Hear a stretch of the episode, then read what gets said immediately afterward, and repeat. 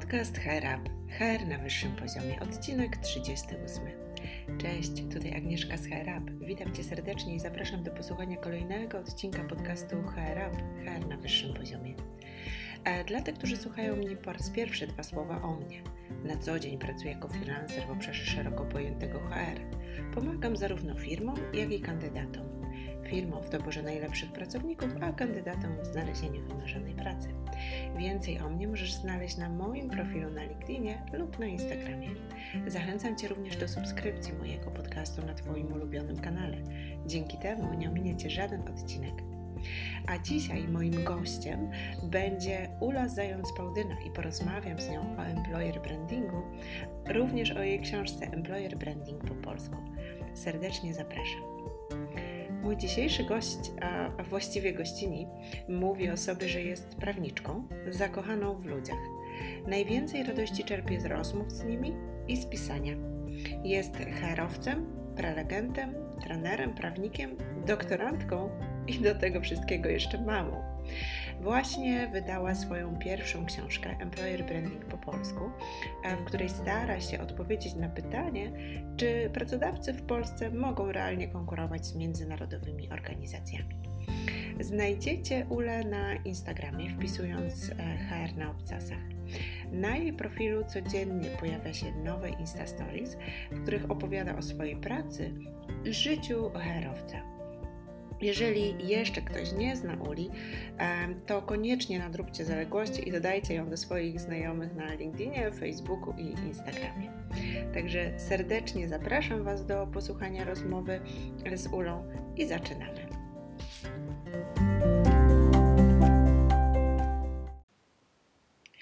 E, cześć Ulu, cieszę się, że przyjęłaś zaproszenie do podcastu Herab, Her na wyższym poziomie. Cześć Agnieszka, ja bardzo serdecznie dziękuję za zaproszenie, jest mi naprawdę bardzo miło. E, Ulu, przed chwilą przedstawiłam Cię osobom, które nas słuchają. I e, opowiedziałam o, o, Tobie kilka słów, natomiast zastanawiam się, czy jest jeszcze coś, co chciałabyś e, dodać, o czym słuchacze może nie wiedzą, e, mimo że e, śledzą Cię w social mediach. Dziękuję za to przedstawienie i myślę sobie, że chyba zawarłaś wszystkie elementy, które są związane z moją osobą. Natomiast ja osobiście chciałabym dopowiedzieć, że mm, to, co e, może nie tyle mnie wyróżnia, ale co staram się w swojej pracy, w rozmowach zarówno z kandydatami, jak i pracodawcami e, gdzieś tam przedstawiać i e, staram się, żeby to było gdzieś tak, wiesz, na górze to, tej mojej osoby, mhm. to to, że ja bardzo cenię e, partnerskie relacje e, pomiędzy pracodawcą a pracownikiem i naprawdę staram się, żeby gdzieś ta, e, ta idea szła dalej w świat i staram się, żeby zarówno pracodawcy edukowali pracowników, kandydatów i odwrotnie, żebyśmy gdzieś za jakiś czas mieli, mieli takie poczucie, że e, niezależnie od tego, gdzie my jesteśmy, w jakiej roli na rynku pracy, właśnie pracodawcy, e, potencjalnego pracodawcy, kandydata, pracownika, to żeśmy mieli rzeczywiście poczucie, że jesteśmy dla siebie partnerami, że nie ma tutaj, wiesz, kogoś, kto jest wyżej, kogoś, kto jest niżej i zaburzenia tej relacji. Mhm. E, Ulu, bardzo się cieszę, że to dopowiedziałaś. Dzisiaj będziemy właśnie rozmawiały o relacjach, o relacjach na linii e, pracownik, kandydat, e, pracodawca. Będziemy rozmawiały o Twojej książce, która nie tak dawno wyszła na światło dzienne. O książce pod tytułem Employer Branding po polsku. I może nie będę się Ciebie pytała, co to jest employer branding, bo zakładam, że jednak większość osób albo wszystkie osoby, które słuchają podcastu HR Up, e, jednak e, definicję employer brandingu znają. Natomiast chciałam się Ciebie zapytać, czym dla Ciebie jest e, employer branding? Dla mnie employer branding to jest um, taka pozycja organizacji, tak bym to określiła, i to są takie działania y, organizacji, świadome czy też mniej świadome, które powodują, że ludzie chcą przychodzić do tej organizacji, ludzie z przyjemnością w niej zostają, mają satysfakcję z tego, co robią, gdzie się znajdują e, i taki test przechodzą, mhm. czyli poniedziałek, kiedy o 6 rano trzeba wstać, to z przyjemnością wstają do pracy. I też to jest taka sytuacja, że jeżeli ludzie nawet odchodzą z organizacji, to robią to bardzo świadomie, czyli wiesz, nie tak, że są obrażeni na szefa, e, czy też z innego powodu, e, takiego negatywnego, ale podejmują świadomą decyzję, że na teraz to nie jest dla nich miejsce, ale są takimi, powiedziałabym, naturalnymi ambasadorami danej marki pracodawcy. Więc myślę sobie, że, że to, do tego powinniśmy dążyć w działaniach dotyczących budowy marki pracodawcy. Mhm. E, no właśnie, wspominałaś e, o tym, że to są działania organizacji. Czy w ogóle te działania, my jesteśmy, mm, działania employer brandingowe, czy my jesteśmy w ogóle w stanie je zmierzyć? A jeśli tak, to w jaki sposób e, firmy mogą to robić? Myślę sobie, że wiele osób zadaje w ogóle sobie pytanie o kwantyfikację e, działań z zakresu budowania marki pracodawcy e, i też wiele osób e, związanych z HR ogólnie, czy też właśnie za employer branding. I ja zdaję sobie sprawę z tego, że nie zawsze jest to prostą sprawą, czy, czy też nie, nie zawsze jest takie wprost łatwomierzalne. Natomiast um, są pewne rzeczy, które powinniśmy mierzyć, i moim zdaniem, e, im więcej mierników, tym lepiej. E, pomaga to w szczególności wtedy, kiedy przecież rozmawiamy z e, naszymi przełożonymi, z menedżerami, z kadrą zarządzającą, która e, chce zobaczyć, czy rzeczywiście te nasze działania przynoszą efekt, a z drugiej strony też sobie myślę, że to mierzenie działań związanych z marką pracodawcy pomaga też nam. Dlatego, że ja sama wiem o tym, że jak coś robię i lubię to robić, przywiązuję się do czegoś, to później mm, trudno mi czasami, e, wiesz, mieć takie obiektywne podejście do danego projektu, do danego działania. Natomiast jeżeli my będziemy to mierzyć, będziemy sprawdzać efekty naszych działań, to wtedy łatwiej nam i trochę bardziej obiektywnie e, będziemy mogli podejść do, e, do naszych projektów, do tego, co robimy.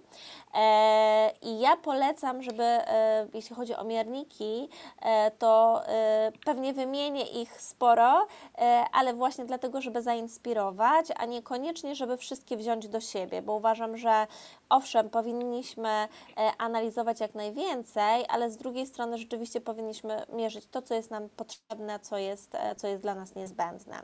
I jeśli chodzi o takie działania na, skierowane, um, na zewnątrz, działania, e, które oceniają inni, to na pewno e, moim zdaniem warto sprawdzać opinie e, o nas, czyli mierzyć ich liczbę, mhm. jakość tych opinii, wydźwięk opinii na rynku. Przykład na, na tym naszym słynnym portalu z opiniami, ale oczywiście nie tylko. Mm, warto również sprawdzać, jeżeli bierzemy udział w jakichś rankingach, czy też mówi się o nas w prasie, w mediach, to warto śledzić to E, warto sprawdzać, czy jesteśmy obecni, czy też nie jesteśmy obecni. Jeżeli mhm. jesteśmy obecni, to jaki jest wydźwięk tych, e, tych komunikatów. Warto również sprawdzać, nie tylko e, to, jak nam się podoba nasza strona kariera, ale też e, ile mamy wejść na tą stronę karierę, kariery, e, jaki czas spędzają użytkownicy na tej stronie, czy rzeczywiście aplikują na przykład poprzez stronę kariera, czy to są aplikacje spontaniczne, czy też na konkretne ogłoszenia o pracę. Jeśli chodzi o formularze rekrutacyjne, jeżeli takowe mamy, to również warto sprawdzić na przykład wskaźnik odrzuceń, czy też porzuceń tych formularzy rekrutacyjnych, bo może się okazać, że nasz formularz jest zbyt skomplikowany albo na przykład e, wymaga tego, żebyśmy się gdzieś logowali, e, co powoduje, że ktoś nie chce po prostu zwyczajnie tego zrobić i odrzuca e, i porzuca ten formularz. Mm, jeśli mamy możliwość w naszej organizacji, jeśli w ogóle funkcjonują aplikacje spontaniczne, kiedy ktoś po prostu może zaaplikować do naszej organizacji nie na konkretne stanowisko pracy, to również warto badać to, jaka jest liczba tych aplikacji spontanicznych, jakie są źródła tych aplikacji spontanicznych. W samym procesie rekrutacji, no tutaj na pewno badałabym poziom satysfakcji, doświadczenia naszych kandydatów. E, warto mhm. tutaj e, w trakcie rozmów, nawet kwalifikacyjnych z, e, z kandydatami, pytać ich, jak oceniają proces rekrutacji. Warto też pytać takich pracowników, którzy są u nas krótko, a którzy przeszli dany proces rekrutacji mm, i też wiesz, nie mają czegoś takiego, takiego, że tak bardzo chcą dostać tą ofertę pracy, że e, nie będą szczerzy, tylko oni będą już rzeczywiście bardziej obiektywni i powiedzą nam um, rzeczywiście, co, co oceniają pozytywnie, a co ewentualnie można byłoby poprawić. Um, w procesie rekrutacji uważam również, że powinniśmy sami e, i aplikowania szczególnie wchodzić w buty kandydata i też przechodzić przez ten proces na przykład aplikowania, bo wtedy rzeczywiście sprawdzimy, co tam ewentualnie może szwankować. Mhm. Jeśli chodzi już samo zatrudnienie, to y, warto tutaj sprawdzać oczywiście y, czas, warto sprawdzać y, koszt rekrutacji do zatrudnienia. Oczywiście nie chodzi mi o to, żebyśmy szli mocno tutaj e, w takie cele, wiesz, żeby to robić jak najszybciej, jak, naj, jak najtaniej, bo nie zawsze oczywiście to oznacza jakość, ale rzeczywiście może się okazać, że możemy pewne elementy e, dołożyć, na przykład, nie wiem, e, system poleceń pracowniczych, co nam obniży mhm. koszty, skróci czas, a oczywiście spowoduje, że e, do tego zatrudnienia będzie szybciej dochodziło.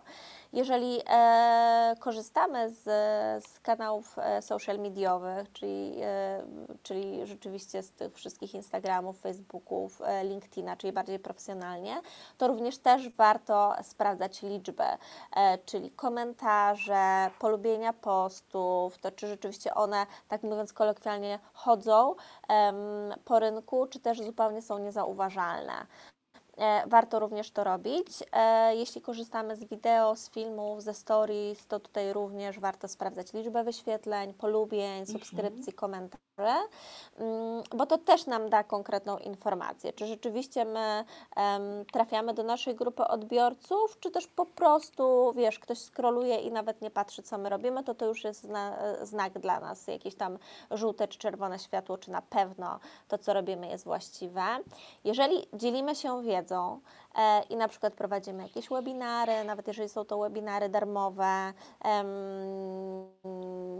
coś, y, coś proponujemy naszym użytkownikom czy odbiorcom, to również spra warto sprawdzać, czy ludzie w ogóle są tym zainteresowani, ile osób zapisuje się na taki webinar, e, ile osób bierze w nim udział, jaki jest wydźwięk tych webinarów, czy one są na przykład polecane na rynku czy e, jeśli już jesteśmy przy ofercie pracy i składamy ofertę pracy e, kandydatowi, to tutaj również powinniśmy sprawdzić, czy, czy te oferty pracy rzeczywiście są przyjmowane, jaki jest wskaźnik odrzuceń, bo może tutaj e, coś powinniśmy nad tym popracować.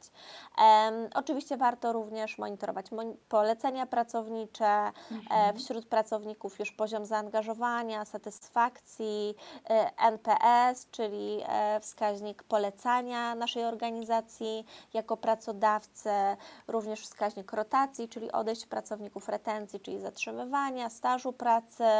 I jeżeli mamy w naszej organizacji um, preboarding, onboarding, reboarding i offboarding, czyli te wszystkie e, elementy związane właśnie z czy przyjściem pracownika do pracy, e, czy reboarding, kiedy um, kiedy Ponownie, ktoś przychodzi prawda? po dłuższej nieobecności, mhm. dokładnie tak, czy offboarding, kiedy żegnamy się z pracownikiem, to warto również sprawdzić, czy po prostu robimy to dobrze, czy jest coś, e, co moglibyśmy poprawić. Więc mhm. E, być może to, co powiedziałam, wyda się e, Tobie i innym słuchaczom, że tego jest bardzo dużo, ale ja celowo mówię o wielu elementach, które możemy zmierzyć, dlatego że my powinniśmy wybrać rzeczywiście to, co, e, co jest dla nas odpowiednie. Te mierniki, które są dla nas odpowiednie i zastanawiać się też nad tymi miernikami. Pamiętam, że jakiś czas temu modne było e, mierzenie, wiesz, liczby aplikacji. Nie? Pamiętam, że kiedy w ogóle zaczęliśmy mówić o miernikach, tak. to wszyscy e, mówili liczba aplikacji, liczba aplikacji. No ale no, teraz już wiemy, że, że liczba aplikacji to nie jest dobry miernik, dlatego to e, ta, ta, wysoka liczba aplikacji oznacza tylko tyle, że będziemy mieli dużo pracy. A mhm. już jakościowe aplikacje e, na dane stanowisko, no to rzeczywiście to już jest taki miernik, e, który powinniśmy wziąć pod uwagę. Okej, okay, to słuchaj, jak jesteśmy mm, przy aplikacjach, to chciałam nawiązać do procesu rekrutacyjnego.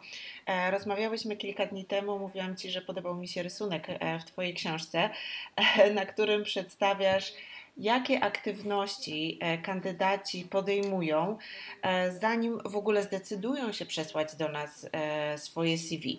I czy mogłabyś nam opowiedzieć właśnie na co ja jako pracodawca, ja jako rekruter powinnam zwracać uwagę właśnie w tym aspekcie, tak żeby ułatwić kandydatowi podjęcie decyzji, żeby jednak to CV wysłał do nas? Rzeczywiście tych aktywności, które wykonuje kandydat, czy też osoba, która stara się o pracę u nas, jest sporo. Tak jak my też wykonujemy sporo aktywności, zanim e, na przykład opublikujemy ogłoszenie o pracę, tak? czy zanim zadzwonimy do, e, do kandydata, bo e, taki kandydat musi stworzyć albo gdzieś tam zmienić swoją aplikację dotychczasową, zazwyczaj analizuje rynek pracy, co na tym rynku się dzieje, analizuje oferty pracy, które, które które potencjalnie są dla niego interesujące. Śledzi również tych pracodawców, którzy potencjalnie są dla niego interesujący, ich strony www, sprawdza też opinie, e, na przykład pyta, czy też znajomych, czy właśnie zagląda sobie do internetu, e, czyta opinie o pracodawcach. E, często zaczyna być aktywny na LinkedInie i to widać rzeczywiście, prosi o rekomendacje, więc tak naprawdę tych aktywności jest sporo i myślę, że my też pracodawcy powinniśmy zdawać zdawać sobie z tego sprawę, że, e, że tych aktywności jest sporo i powinniśmy, tak z mojej perspektywy, odpowiadać na potrzeby naszych kandydatów, na, na potrzeby osób, które potencjalnie mogą do nas zaaplikować. Przez e, tak naprawdę wiele elementów, e, tak sobie myślę, i wiele narzędzi, na przykład ogłoszenia o pracę, nasza strona kariery, powinniśmy też monitorować, jak wyglądają opinie o nas i czy rzeczywiście my powinniśmy powinniśmy być bardziej aktywni być może w kwestii opinii, powinniśmy sprawdzić, jak wygląda droga do aplikowania e, kandydata, czy ona jest skomplikowana, czy też nie, jak wyglądają nasze profile w mediach społecznościowych, czy one są, czy są to profile stricte dedykowane e, właśnie tym e, elementom takim pracowym, też są to, e, są to profile nasze takie ogólne, produktowe czy też, e, czy też usługowe. No z mojej perspektywy powinniśmy rzeczywiście odpowiedzieć na te potrzeby, których, które mają nasi kandydaci, osoby ubiegające się o pracę, żeby ułatwić im decyzję, czy my jesteśmy właściwym pracodawcą, czy też nie. Bo tak sobie myślę, że jeżeli kandydat będzie miał może nie tyle zbyt dużo informacji, ale takie te informacje, które go interesują, to trochę już to jest taka selekcja, czy on zdecyduje się zaaplikować do nas, czy też nie. I myślę sobie, że, e, że potem łatwiej po prostu nam będzie rekrutować. Rzeczywiście będziemy dostawać te aplikacje takich świadomych kandydatów, którzy rzeczywiście są zainteresowani tą konkretną naszą ofertą pracy. Mhm. Okej. E, no dobrze, no to już wiem, że kandydaci rzeczywiście wykonują szereg czynności, e, zanim prześlą do nas CV. Nam też zależy na tym, żeby e, no, dopasować zarówno firmę do kandydata, jak i kandydata do firmy. No ale jeszcze po drodze mamy oferty pracy, ponieważ w swojej książce dużo piszesz o tym, jak powinny wyglądać angażujące kandydatów oferty pracy, to chciałabym Ciebie zapytać właśnie, jak Twoim zdaniem zdaniem one po pierwsze powinny wyglądać, na co powinniśmy zwracać uwagę mm, pisząc e, ogłoszenia i co jest w ogóle dla kandydatów ważne? Świetne pytanie, bo e, zauważam taką tendencję, że e, tak jak często kandydaci chcą bardzo szybko napisać CV, je przesłać i, i już czekać na rozmowę, tak samo my też pracodawcy bardzo często chcemy jak najszybciej wypuścić to ogłoszenie, żeby ono już pracowało, żeby jak najszybciej pozyskać a z mojej perspektywy to jest taki mm, bardzo istotny moment i element naszego procesu rekrutacji, właśnie właściwie napisane ogłoszenie niewłaściwie napisane ogłoszenie to przede wszystkim dobrze przygotowane ogłoszenie, czyli na samym początku powinniśmy sobie ustalić zakres informacji, które chcemy przekazać naszemu kandydatowi. To jest nasza decyzja, ale oczywiście w oparciu o potrzeby kandydatów, a jak wiemy, kandydaci potrzebują konkretów. Oni, oni nie potrzebują okrągłych słówek typu e, e, miła atmosfera czy młody, dynamiczny zespół, tylko oni rzeczywiście potrzebują konkretów. Oni chcą wiedzieć, na jakie stanowisko przychodzą, jakie jakie, e, jaką, jakie to stanowisko, e, jak jest ono usytuowane w organizacji, e, do kogo będą raportowali, chcą wiedzieć, jakie wynagrodzenie, na jakie wynagrodzenie mogą liczyć, na jaką formę współpracy i ewentualnie co im da pracodawca. Więc jeżeli my wiemy, co my chcemy przekazać, e, to później powinniśmy sobie rzeczywiście to przełożyć na język, który trafi do naszej grupy odbiorców, bo przecież inaczej będziemy się na przykład komunikować, nie wiem, z finansistami, a inaczej będziemy się komunikować ze stażystami, którzy przychodzą, nie wiem, do, e, do naszej organizacji, na przykład, nie wiem, do agencji marketingowej. Po prostu to jest inny język, więc powinniśmy sobie naprawdę zastanowić się, kim są nasi odbiorcy, czyli troszeczkę tak krok do tyłu, a dopiero później do nich wychodzimy. To, co jest moim zdaniem również bardzo istotne, a troszeczkę już o tym powiedziałam, to rzeczywiście konkrety, nie ogólniki, do których no, mamy tendencję, żeby mówić tak ładnie, żeby to wszystko ubierać w takie e, ładne słowa, a tak naprawdę kandydaci rzeczywiście oczekują konkretów, czego, co ja mogę dostać od tego pracodawcy, co ja mogę mu od siebie dać. To tak jak właśnie, to jest właśnie to moje partnerskie podejście do relacji pracodawca, czy też e, pracownik, czy kandydat, tak? Czyli taka, taka relacja partnerska. Ja mam, ja daję Ci to, ja daję Ci to i teraz pytanie, czy rzeczywiście dojdziemy do jakiegoś konsensusu. Kolejna rzecz, którą powinniśmy zrobić też troszeczkę wcześniej, to e, poszukać wyróżników naszej oferty pracy. E, co rzeczywiście jest takim wyróżnikiem naszej oferty, w sensie stanowiska, albo może też naszej organizacji. Warto tutaj zobaczyć, co oferuje konkurencja mm, i być może e, po analizie tej konkurencji okaże się, że my się czymś wyróżniamy, o czym nawet nie piszemy w ofercie pracy, a może powinniśmy. Może to jest mała rzecz, która spowoduje, że rzeczywiście my się wyróżnimy wśród ofert w naszej branży, w naszej specjalizacji. Kolejna rzecz, szalenie istotna e, z mojej perspektywy, to dostosowywanie treści do medium, w którym publikujemy daną ofertę pracy, dlatego że e, bardzo często widzę, jak e, słabo na przykład wykorzystujemy media społecznościowe typu Instagram, Facebook, ale też bardzo słabo wykorzystujemy mm, LinkedIna bo po prostu wrzucamy tam ofertę pracy, taką jak na przykład jest na, na naszej stronie kariera albo na przykład w jakimś jobboardzie typu pracuj.pl, a tak nie powinno być. Y, przecież Instagram to nie jest pracuj, tak? Y, I Instagram na przykład to nie jest, czy Facebook to nie jest LinkedIn, więc dostosowujemy treść do danego miejsca, w którym publikujemy i dlatego też te oferty powinny wyglądać, ta sama oferta zamieszczona na przykład na Facebooku, na LinkedInie i na pracuj.pl powinna wyglądać inaczej. Oczywiście możemy zalinkować do tego pracuja, czy gdziekolwiek tam publikujemy, natomiast uważam, że powinniśmy rzeczywiście dopasowywać treść do danego miejsca, w którym publikujemy. Kolejna rzecz, która z mojej perspektywy też jest szalenie istotna, a jest trochę pokłosiem tego, że e, bardzo często oferty pracy tworzą e, asystenci, e, osoby, które dopiero się uczą tego i fajnie, że tak. Natomiast powinniśmy naprawdę zwracać ogromną uwagę na poprawność danej oferty pracy. Bo jeżeli oczekujemy, że CV będzie poprawne, no to, no to, to też jest nasza wizytówka i to biznesowa, która pokazuje, jakim jesteśmy pracodawcą. No i tutaj, jeżeli mamy błędy, no to, no to rzeczywiście jest źle. A wiem, że te błędy są, bo sama często, e, często sprawdzam oferty pracy. Kolejna rzecz to y, trochę ożywianie ogłoszenia y, językiem i zwrotami. E, jeżeli y, tak sztampowo trochę podchodzimy do ogłoszenia o pracę i piszemy e, zakres obowiązków, wymagania, oferujemy, to może zamieńmy to na taką, e, na taką stronę czynną. Jeżeli chcesz u nas pracować, to możesz liczyć na to, będziesz odpowiedzialny za to żeby rzeczywiście ten kandydat już jakby tak e, poczuł się, że jest w tej organizacji. Tak, mhm. więc jeżeli możemy nad tym popracować, a to przecież nas e, aż tak dużo nie kosztuje, to moim zdaniem powinniśmy się o to pokusić.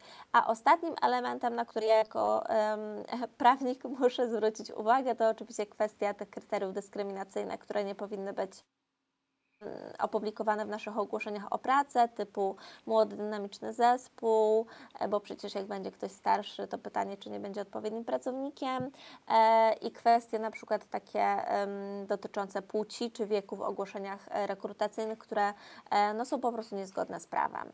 Mhm. No właśnie, chciałam też poruszyć temat strony kariera, bo to jest też bardzo związane z ofertą pracy. Wiadomo, że jak kandydaci e, są zainteresowani aplikowaniem, no to pierwsze też co robią, to wchodzą sobie na stronę kariera, żeby zobaczyć, jakie mają możliwości rozwoju. E, I często jest tak, że jak ja sobie wchodzę na te strony różnych firm, żeby posprawdzać, jak to e, obecnie wygląda, to mam takie wrażenie, że w niektórych firm, firm, firmach nic innego się nie robi, tylko pije kawę, gra w piłkarzyki i jeszcze jakieś inne ciekawe aktywności się robi. E, no właśnie, jak e, według Ciebie taka strona powinna wyglądać? Czy rzeczywiście to jest dobry kierunek, w którym idą niektórzy e, pracodawcy? Fajnie, że o tym powiedziałaś, bo ja mam dokładnie podobne wrażenie, że my chcemy na zewnątrz pokazać, jacy jesteśmy fajni i ta nasza fajność trochę zaburza e, to rzeczywiście, co w tej organizacji jest, bo przecież nasza praca codzienna rzeczywiście nie polega na tym, że my e, pijemy kawę, gramy na gitarze, gramy w te piłkarzyki, jeździmy hulajnogą po biurze. E, więc e, rzeczywiście czasami są takie organizacje, w których, e, w których jest taki sposób bycia bardzo luźny, natomiast no, prawda jest taka, że przede wszystkim przychodzimy do pracy, żeby pracować. Możemy to robić fajnie, że tak to ujmę, natomiast no, przede wszystkim e, powinniśmy zastanowić się przy okazji strony kariera, e, czego oczekują kandydaci, jakich informacji oni szukają.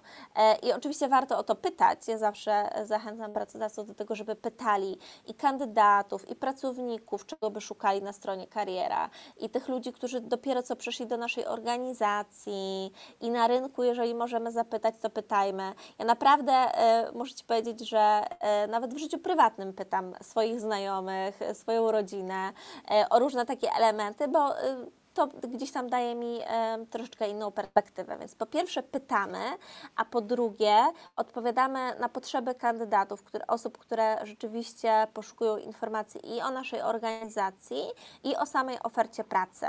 E, więc na pewno na, z mojej perspektywy na takiej stronie kariera powinny się znaleźć informacje o tym, kim my w ogóle jesteśmy, jaką my jesteśmy firmą, dlaczego warto u nas pracować.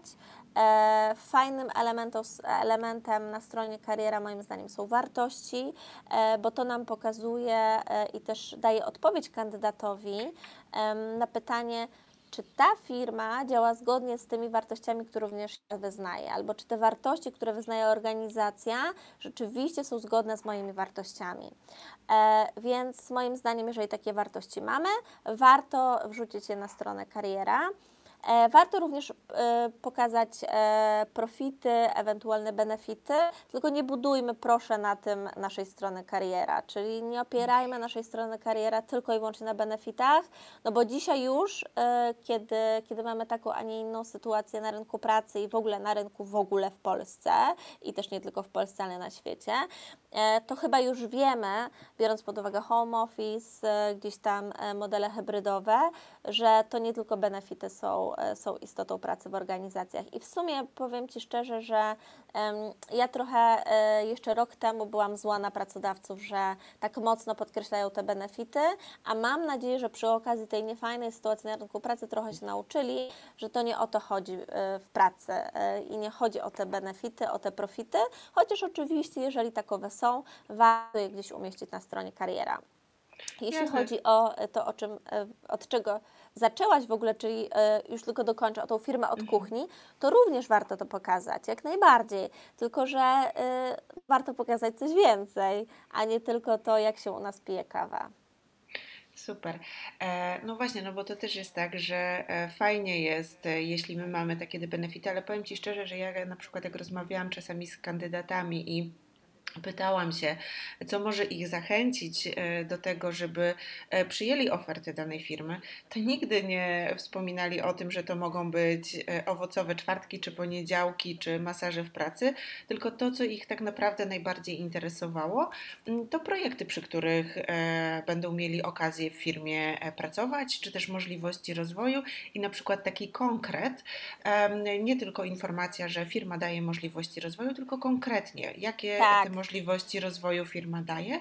E, czyli to, co Ty powiedziałaś w ogóle na samym początku naszej rozmowy, e, żeby szanując kandydatów, dawać im właśnie ten konkret. I to samo jakby rozmawiając o benefitach, prawda? Jak najbardziej tak, rzeczywiście konkrety, nie takie ogólne informacje i fajnie, że powiedziałaś o tym rozwoju, bo e, być może rozwój dla Ciebie, dla mnie, dla, nie wiem, naszych znajomych może oznaczać coś kompletnie innego, więc jeżeli my rzeczywiście jesteśmy organizacją, w której jest możliwość rozwoju, to napiszmy, co to znaczy. Czy to jest właśnie na przykład praca w międzynarodowym środowisku, czy to jest na przykład, nie wiem, odpowiedzialność za projekty, czy to jest e, zupełnie coś innego, na przykład, nie wiem, możliwość zdobycia jakiegoś certyfikatu, bo to naprawdę może oznaczać bardzo dużo. A jeśli jesteśmy już przy konkretach, to e, na pewno zwróciłabym też uwagę na to, że strona kariera jest świetnym miejscem na to, żeby tam po prostu opublikować ogłoszenia o pracę, bo my Mhm. często sporo, e, sporo e, płacimy za to, żeby te oferty pracy znalazły się w serwisach z ofertami pracy, czy serwisach w ogóle z ogłoszeniami, a moim zdaniem to jest świetne miejsce na to, żeby złapać, tak mówiąc oczywiście w cudzysłowie, kandydata, który przyszedł do nas, na naszą stronę kariera, czyli to już jest kandydat, który potencjalnie jest zainteresowany naszą ofertą pracy. Wiesz, to nie jest osoba, która przegląda sobie oferty pracy właśnie na portalu takim e, ogólnym, tylko to jest osoba, która przyszła do nas. Więc po pierwsze aktualne oferty pracy, a po drugie możliwość aplikowania spontanicznego. Czyli e, jeżeli ja nie znalazłam oferty pracy na stronie kariera, to być może chciałabym wysłać swoją aplikację właśnie, bo interesuje mnie ta organizacja, tak? Czyli tutaj takie call to action zdecydowanie. E, To, co jeszcze bym poleciła, to na pewno e, proces rekrutacyjny. Pokazanie procesu rekrutacyjnego, bo to też pokazuje kandydatowi, na co on może liczyć e, i też, czy on może sobie pozwolić na udział w tym procesie rekrutacyjnym. E, nawet jeżeli nie, nie mamy takich sztywnych reguł, to znaczy może te, mogą te procesy się różnić troszeczkę, to takie podstawowe dane, a jeszcze najlepiej na osi czasu, to jest moim zdaniem bardzo istotne. I tak już na koniec na pewno kontakt do osób, które, e, które na przykład rekrutują w naszej organizacji, lokalizacja czy też lokalizacje, jeżeli, jeżeli jest ich więcej e, oraz Q&A, jeżeli rzeczywiście wiemy o co, o co pytają nasi kandydaci. No, no i super. E, Także mamy wszystkie informacje, które są potrzebne do tego, żeby stworzyć rzeczywiście fajną e, e, stronę kariera firmy. Teraz chciałam Cię zapytać z kolei o social media. Czytałam niedawno raport firmy WorkSmile, że no, okazuje się, że w czasie pandemii pracownicy dwa razy częściej wchodzą na profile firmowe, na, fanpage swoich firm, w których pracują, ale nie tylko swoich, i komentują, lajkują. To jest też taki temat, który ja od dłuższego czasu e, śledzę i widzę, że jest wiele firm, które naprawdę bardzo fajnie potrafią się komunikować e, z pracownikami czy kandydatami, a wręcz e, nawet klientami. I mm, jak według Ciebie właśnie to powinno wyglądać? Jak firmy powinny korzystać z social mediów i, i w jaki sposób siebie pokazywać, żeby tak pokazywać siebie takimi prawdziwymi? To tutaj też zaczęłabym od tego, żeby zastanowić się nad tym, e, czy nasi odbiorcy, czy odbiorcy naszych treści są w social mediach, bo e, to nie chodzi o to, żebyśmy korzystali z tych social mediów dla samego faktu, żeby było fajnie, żebyśmy mogli, sobie e, tworzyć, tworzyć posty, treści, tylko żeby rzeczywiście byli tam nasi odbiorcy. Jeżeli właśnie tak jak mówisz, kandydaci korzystają z social mediów, patrzą sobie właśnie na profile pracodawców, to zdecydowanie warto, warto być w social mediach. I tutaj pojawia się takie pytanie, jeżeli jeszcze nie mamy profilu e, dotyczącego naszej e, pracy, kariery w naszej organizacji, to warto zastanowić się, czy stworzyć oddzielny profil, czy też połączyć komunikację dotyczącą marki z marką pracodawcy, bo wiem, że są pracodawcy, którzy w ten sposób to robią, bo na przykład nie mogą sobie pozwolić na taką, wiesz, wielość postów, nie mają na to czasu, nie mają zasobów. Em, więc to jest też dobry, dobry pomysł. Jeżeli na przykład widzą, że w odbiorcach właśnie w kanałach dotyczących marki są też potencjalni kandydaci i to też można rzeczywiście fajnie wykorzystać. E, I co? I jak to robić? No przede wszystkim rzeczywiście pokazywać konkrety, to co interesuje naszych kandydatów, czyli jeżeli na przykład my, nasi kandydaci podczas rozmów zadają nam jakieś pytania i te pytania się powtarzają, to warto odpowiedzieć właśnie postami, e, stories na te pytania, ale nie w takiej formie, że wiesz, że odpowiadamy, no zadaliście nam takie pytanie, chociaż oczywiście też tak może być, e, tylko po prostu przemycać te elementy, które interesują naszych kandydatów, pokazywać, jak rzeczywiście wygląda praca od kuchni, czasami nawet przekazywać e, głos naszym pracownikom. Jestem ogromną zwolenniczką tego, żeby dawać ludziom telefon w rękę i ten profil e, naszej, e, e, naszej firmy właśnie, żeby mogli wykorzystać w takiej codziennej pracy, tak? Dlatego, że po pierwsze dzięki temu fajnie budujemy zaangażowanie w organizacji, bo ludzie bardzo często chętnie biorą właśnie udział w tego typu akcjach, jeżeli się gdzieś tam już obyli z, z właśnie z social mediami, Mm, a z drugiej strony odbiorca tych naszych treści rzeczywiście będzie widział, jak to wygląda od kuchni. E, Więc e, moim zdaniem to jest świetny pomysł, a z drugiej strony sobie myślę, że mm, e, to są takie właśnie elementy, na które zwracają uwagę kandydaci. To, tą rzeczywistą pracę, a nie tylko te właśnie e, święto, nie tylko to świętowanie w organizacji, e, tam nie wiem, o, owocowe środy, owocowe piątki, czy nie wiem, dzień chłopaka, czy cokolwiek innego, bo pewnie jak też obserwujesz te profile, tak jak powiedziałaś, to też pewnie widzisz takie profile, w których właśnie e, taki wydźwięk jest, że w zasadzie tylko takie elementy wrzucają pracodawcy, tak? Takie elementy świętowania i tego, jak jest radośnie w pracy, a uważam, że warto rzeczywiście pokazywać, e, co, e, co się w tej pracy dzieje. Ja e, na przykład lubię bardzo profil Budimexu na Instagramie, bo oni rzeczywiście pokazują to, czym się zajmują. I pewnie nie ma tam super tylko i wyłącznie fajerwerków, ale z drugiej strony dla mnie jako osoby, która no, nie jest związana z branżą budowlaną, to jest szalenie ciekawe. E, Więc, e, więc myślę sobie, że, że o, o takie profile fajnie by było, gdyby było ich coraz więcej. To sobie myślę, że mnie już zachęciłaś do tego, żeby zajrzeć na Instagram Budimexu, bo przyznam szczerze, że rzeczywiście tej firmy mm, Mhm. nie obserwowałam do tej pory. No a nawiązując jeszcze do social mediów. e, A warto, Ciebie- naprawdę warto. Aha. E, Chciałam się Ciebie zapytać jeszcze, bo mm, coraz więcej firm, też sobie kilka takich firm obserwuję, e, które, które tutaj często, może nie często, ale coraz częściej posługują się e, wideo. Do tej pory, e, znaczy może nie do tej pory, ale jeszcze jakiś czas temu to były przede wszystkim zdjęcia, posty, a teraz coraz częściej e, chociażby na Instagramie, a nawet już na LinkedInie e, pojawia się wideo. I e, chciałam się Ciebie e, zapytać, już wspomniałaś o jednej firmie, którą warto śledzić na Instagramie, ale jakbyś podzieliła się tym, jakie firmy zrobiły właśnie na Tobie wrażenie, jeśli chodzi o tą formę komunikacji.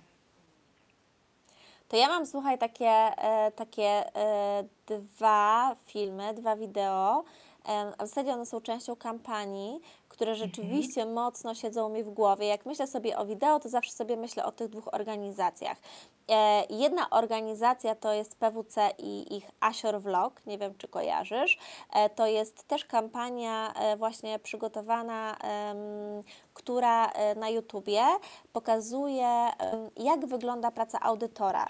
Natomiast od razu zaznaczę, że ten Asior Vlog to jest to jest e, zapewne jakaś e, kreacja e, agencji, natomiast ona wygląda tak z zewnątrz, jak rzeczywiście przekazanie kamery czy też telefonu bezpośrednio pracownikowi, który jest audytorem. Ja wiem już, ponieważ znam tą kampanię, że, że to nie byłoby możliwe w PWC i że nie ma takiej możliwości, żeby audytor podczas swojej codziennej pracy jeszcze miał telefon i to pokazywał i tak dalej.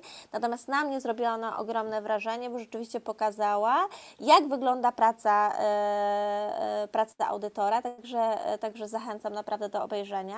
Natomiast druga kampania wideo, która również pokazuje, jak wygląda w ogóle życie ludzi w organizacji, to jest kampania Jiska, którego się wymawia oczywiście Mhm. inaczej i nawet w pierwszym wideo chyba, chyba e, człowiek odpowiedzialny Mhm. za tą markę w Polsce również tłumaczy, jak się to wymawia. I to jest również pokazanie, przekazanie tego telefonu, e, tej kamery pracownikowi i pokazanie, jak w ogóle wygląda, e, wygląda ich firma, jak wygląda życie pracownika. Nawet ta, ta kamera gdzieś tam trafia później do, e, do domu ludzi, do tych pracowników i pokazuje, jak oni żyją.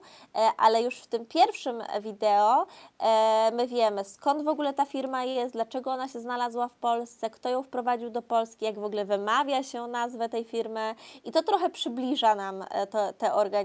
Więc rzeczywiście dla mnie to są, to są dwie takie firmy, które moim zdaniem świetnie to zrobiły. Mm, A to, o czym mówisz, czyli właśnie e, to wideo, które jest coraz bardziej popularne, no to ja się tylko mogę cieszyć po prostu i, i trzymać kciuki za, e, za takie działania, bo rzeczywiście słowo pisane to jest słowo pisane, a jednak obraz, a do tego jeszcze dźwięk rzeczywiście fajnie wpływa na naszych kandydatów i oni z przyjemnością to oglądają. Oczywiście zaznaczam, że to nie może być taka, e, taka tradycyjna forma, że, e, że my mówimy, jaką jesteśmy firmą, czego nie dokonaliśmy i wiesz, i takie trochę, e, tak mówiąc brzydko, gadające głowy, e, które, które opowiadają o firmie, tylko rzeczywiście, żeby to było ze smakiem, to było z, jaki, z, z jakąś taką, z jakimś pomysłem. Natomiast jeżeli my jako organizacja, to też dopowiem na koniec, mm, nie mamy możliwości, nie mamy pomysłu, nie mamy wsparcia agencji, to e, ja zawsze polecam takim pracodawcom, żeby po prostu, tak jak ja wykorzy- wykorzystuję swoje Insta Stories na, na Instagramie, to zalecam, żeby właśnie pracodawcy wykorzystywali te Insta Stories na, na Instagramie czy na Facebooku i pokazywali rzeczywiście, jak wygląda praca w ich organizacji, co się dzieje w ich organizacji. E, właśnie przekazując ten telefon czy menedżerom, czy pracownikom, bo e, niskim kosztem, e, małym zaangażowaniem rzeczywiście są w stanie pokazać, jak wygląda firma od kuchni. Dokładnie. E, Tutaj jeszcze do tych firm, które Ty wymieniłaś, e, ja dodam Capgemini właśnie, jeśli chodzi o Insta Stories. E, Bardzo fajnie to robi i IKEA. Lubię ich oglądać, bo naprawdę te filmiki Tak. są takie po prostu pokazujące z jednej strony pracę, ale też są takie energetyczne, że chce się po prostu od czasu do czasu zerknąć, co słychać w tych firmach. Mm, No dobrze. Teraz Ja chciałabym... bardzo lubię IKEA za to, że niezależnie od tego, e, wiesz, co by było napisane e, pod tym filmikiem, to ty wiesz, że to jest filmik IKEA. Oni są tak bardzo konsekwentni i tak, e, tak spójni w tym wszystkim, co robią, że rzeczywiście oni nie muszą pisać, czy to jest filmik i wiadomo, że to jest filmik IKEA. Nie wiem, czy się zgodzisz ze mną. Dokładnie tak, w 100%. Em, Ulu, chciałabym jeszcze teraz nawiązać do dzisiejszych czasów, a, a dokładnie mówiąc do pandemii. Em, Jakoś tego tematu zbyt często nie poruszam e, w moich podcastach, natomiast e, e, chciałabym poruszyć temat zwalniania pracowników, bo też o tym piszesz w swojej książce. No i ta, ten czas pandemii pokazał nam, e, no, mm, jak co niektórzy pracodawcy rozstają się z pracownikami. Pewnie słyszałaś, że były organizowane e, Zoomy e, czy Skype'y, gdzie pracownicy e, wszyscy się wdzwaniali i otrzymywali informację, że e, no sorry, ale od dzisiaj e, otrzymujecie wypowiedzenie. No, Zdaję sobie sprawę, że pandemia jest trudnym czasem dla pracodawców powiedzmy sobie szczerze. E, no i czasami rzeczywiście takie e, decyzje muszą zapaść, żeby firma mogła się utrzymać. E, Natomiast jak można rozstać się z pracownikiem, żeby to nie miało aż tak negatywnego wpływu na naszą firmę, no i na nasze działania employer brandingowe, nad którymi tak naprawdę przed pandemią bardzo długo pracowaliśmy. E, Cieszę się, że również poruszyłaś ten temat. Ja jakiś czas temu pisałam na blogu o tym, że pandemia i ten obecny czas jest trochę takim testem, zarówno dla pracowników, jak i dla pracodawców. I rzeczywiście tak jest. I ja bardzo dużo słyszę różnych e, historii o organizacjach, które albo zrobiły to dobrze, albo zrobiły to źle.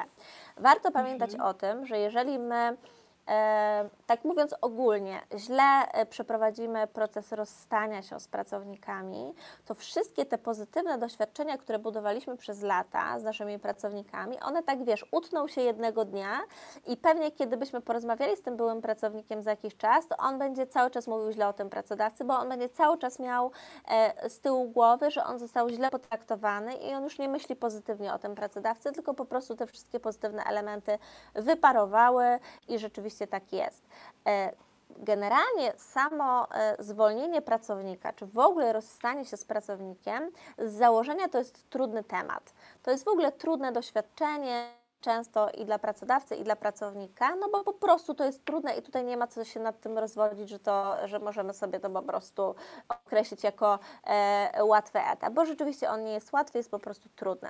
Więc naszym zadaniem jako organizacji, moim zdaniem, powinno być to, żebyśmy jak najbardziej ułatwili ten trudny z założenia etap i to trudne doświadczenie takimi małymi rzeczami, które y, no, moim zdaniem nic nas nie kosztują, bo y, dobre potraktowanie odchodzącego pracownika, czy też pracownika, którego niestety musimy pożegnać y, w organizacji, nas nic nie kosztuje. To nas kosztuje tylko i wyłącznie pracę i zaangażowanie. Więc to, co ja polecam e, przede wszystkim, to komunikacja. Pierwsze, po drugie i po trzecie komunikacja. Dlaczego o tym mówię? Dlatego, że mm, bardzo często e, nasi ludzie, którzy pracują zdalnie, pracują w domu albo gdzieś tam hybrydowo, zastanawiają się nad tym, jak to będzie w naszej organizacji. Czy naszą firmę dotkną zwolnienia, czy też nie. Czy my mamy się o co martwić, czy też nie. Czy warto sobie szukać czy też nie. Jeżeli nie mają żadnej informacji, no to zaczynają działać, bo nie chcą się znaleźć w trudnej sytuacji, nie chcą e, być e, pozostawieni, tak mówiąc brzydko, na lodzie. Dlatego też, jeżeli jesteśmy organizacją, która dba o swoich pracowników jeżeli na przykład wiemy, że na razie u nas nie będzie zwolnień, to poinformujmy pracowników o tym. Poinformujmy, że na razie do tego momentu nie muszą się martwić o swoją pozycję, bo, y, bo jest wszystko w porządku, będziemy się komunikować za jakiś czas i wtedy będziemy przekazywać gdzieś tam na bieżąco informacje, jak to jest w naszej organizacji. A nie daj Boże, gdybyśmy się nie komunikowali i na przykład komuś kończyłoby się e, e, termin e, umowy i my nie chcielibyśmy przedłużyć tej umowy i ktoś by się dowiedział, że o kurczę, tej osobie to albo nie przedłużyli, albo nie daj Boże zwolnili tą osobę, no to wiesz, to jest taki wydźwięk rzeczywiście, och, nasza firma to już zwalnia. Być może to nie jest kwestia zwolnienia, tylko czegoś tam innego. Więc po pierwsze komunikacja, która jest moim zdaniem teraz, w dzisiejszych czasach jeszcze bardziej ważna niż była ważna, chociaż wcześniej oczywiście też była szalenie istotna. Druga rzecz, którą możemy zrobić, to przede wszystkim zadbać o to, żeby kryteria zwolnień, czy kryteria rozstawania się z pracownikami były jasne, ale przede wszystkim, żeby one były sprawiedliwe. Czyli jeżeli już my zdecydujemy się na to, żeby się rozstawać z pracownikami, to powinniśmy uargumentować, dlaczego rozstajemy się z tymi pracownikami, a nie jakimiś innymi. Jaki klucz sobie przyjęliśmy. Bo jeżeli my będziemy fair, będziemy sprawiedliwi i, sprawiedliwi i nie będzie takie, takie, wiesz, widzimy się, że my sobie zwalniamy tą osobę, bo tą bardziej lubimy, e, a z tą nam się trudniej pracowało, no to, e, no to inaczej postępujemy, tak? Więc jeżeli my mamy konkretne, jasne kryteria, to zdecydowanie łatwiej będzie nam to komunikować. Więc komunikujemy i do pracowników, którzy rzeczywiście z którymi się rozstajemy, i do pracowników, którzy pozostają w organizacji, którzy mają, który, u których pojawia się, pojawiają się różne pytania. A jeśli chodzi o sam proces rozstania się z pracownikiem, no to moim zdaniem tutaj rzeczywiście dużą rolę pełni HR, osoby odpowiedzialne za zasoby ludzkie, które mogą wesprzeć menedżera w podjęciu decyzji, które mogą wesprzeć na przykład e, w przygotowaniu dokumentów, które mogą wesprzeć podczas rozmowy rozstaniowej, jeżeli ona jest bezpośrednia, które mogą na przykład zaproponować, że pomogą danej osobie przygotować CV, sprawdzić CV, e, może menedżera, e, możemy poprosić o to, żeby przekazał referencje na temat kandydata, otwartość do, do pozyskania referencji. Możemy zadbać o to, żeby, wiesz, e, na przykład te osoby miały możliwość pożegnania się z zespołem, miały, miały możliwość zadecydowania, kiedy to nastąpi, czy też z klientami, zadecydowania, że nie wiem, posprzątają swój komputer, czy tam odda, oddadzą w odpowiednim momencie samochód. I to nas nic nie kosztuje naprawdę, a rzeczywiście możemy spowodować, że ci ludzie w trudnym momencie, odchodząc z naszej organizacji, będą mieli poczucie, że o nich zadbaliśmy. Że to nie jest tak, że mhm. oni zostawili, zostali pozostawieni, pozostawieni sobie tak z dnia na dzień, muszą sobie radzić w nowej sytuacji, e, tylko rzeczywiście, że zadbano o to, żeby oni w tej trudnej sytuacji czuli się e, w miarę ok i żeby wiedzieli, do kogo u nas zadzwonić, jeżeli będą mieli pytania, wątpliwości, będą chcieli właśnie na przykład poprosić o referencję czy o cokolwiek innego.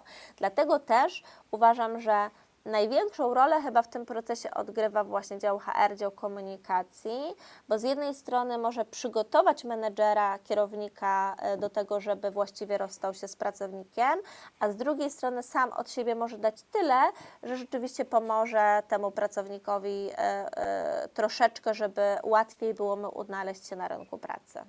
Mhm. Ulu, ja bardzo Ci dziękuję, że Ty też powiedziałaś o tym, o czym bardzo rzadko się mówi, że w procesie rozstania e, z pracownikami e, ważne jest też to, aby zadbać o tych pracowników, którzy zostają.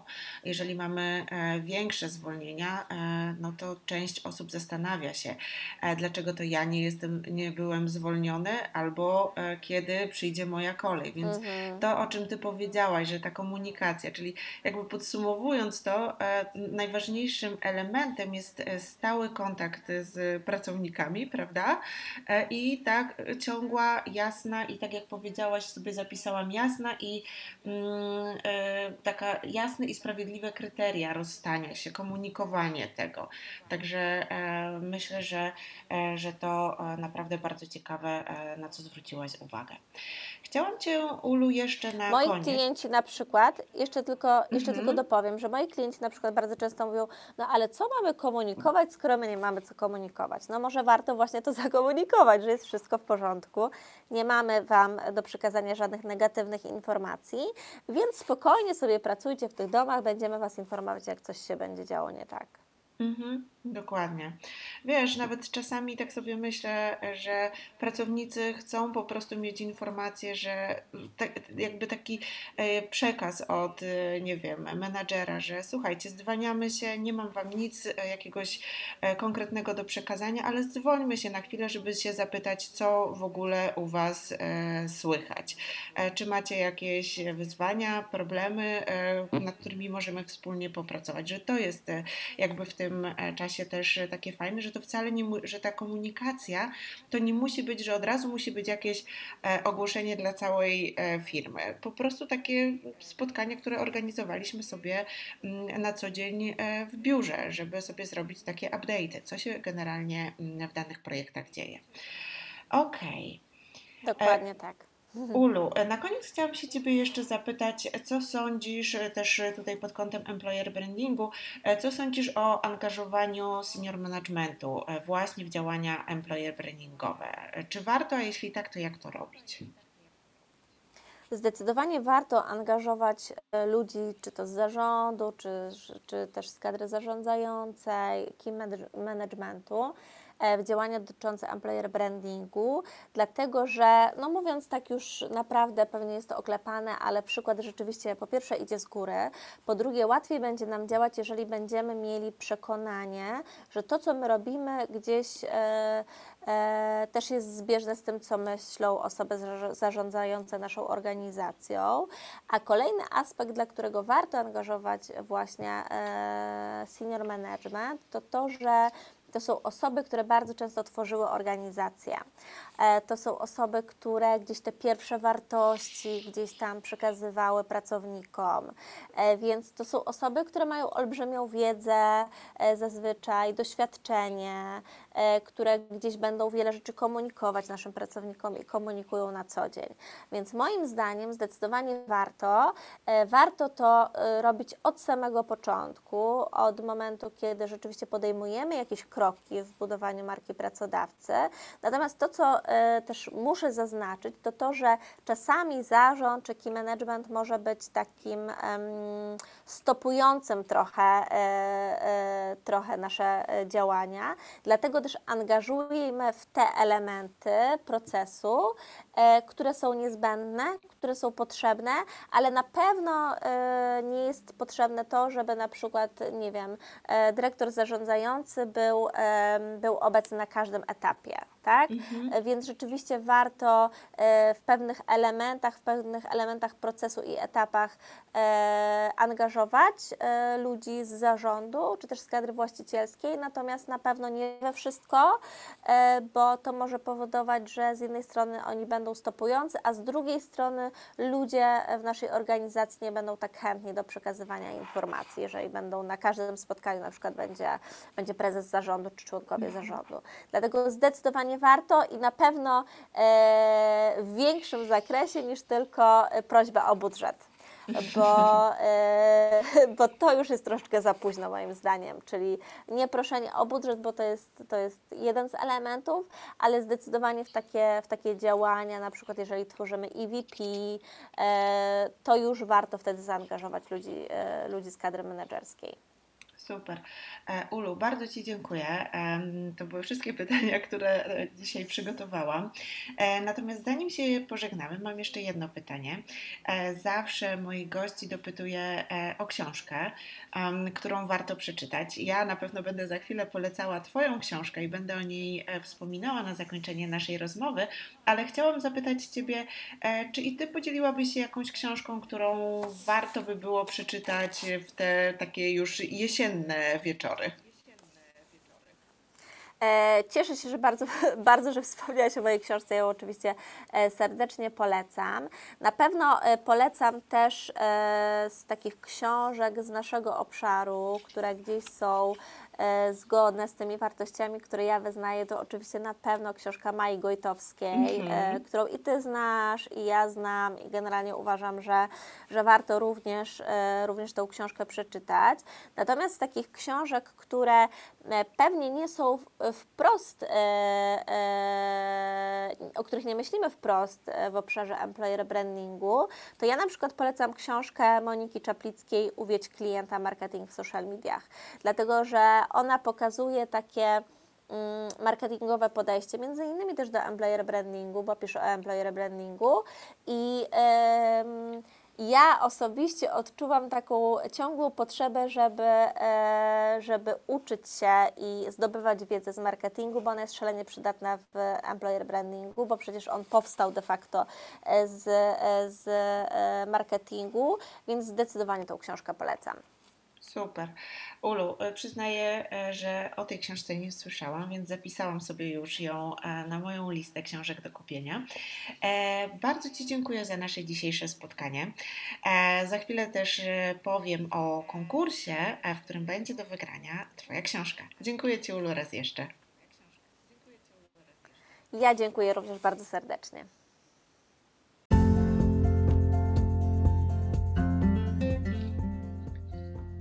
Prawie tyle na dzisiaj. E, od Uli mam książkę do przekazania jednemu z słuchaczy podcastu Her Up Her na wyższym poziomie, a więc będzie konkurs. Tak, tak, to pierwszy konkurs w podcaście Her Up. Pomyślałam, że skoro książka Uli jest o employer brandingu, mm, to e, konkurs też musi być z employer brandingiem związany. A więc, jeżeli chcesz otrzymać książkę, podziel się w komentarzu e, najciekawszą według Ciebie kampanią employer brandingową. Nie musi to być firma z Polski, nie musi to być firma, w której Ty pracujesz. Mm, podziel się linkiem, e, informacją jakąś dłuższą, bądź informacją właśnie jakąś dłuższą o tej e, kampanii. Wszystkie osoby, które właśnie mm, udzielą informacji w komentarzu o ciekawej kampanii, wezmą udział w losowaniu, które będzie za tydzień 29 października października. Więc nie czekaj, wyślij do mnie ciekawy link i sprawdź za tydzień, czy książka trafi do Ciebie. No i na tym koniec. Jeżeli ten odcinek był dla Ciebie ciekawy, to polub go proszę i podziel się nim z osobą, dla której to zagadnienie może być ważne. Oczywiście zapraszam Cię do kolejnego odcinka podcastu HR Up, HR na wyższym poziomie już za tydzień. Serdecznie pozdrawiam. Cześć! Thank you.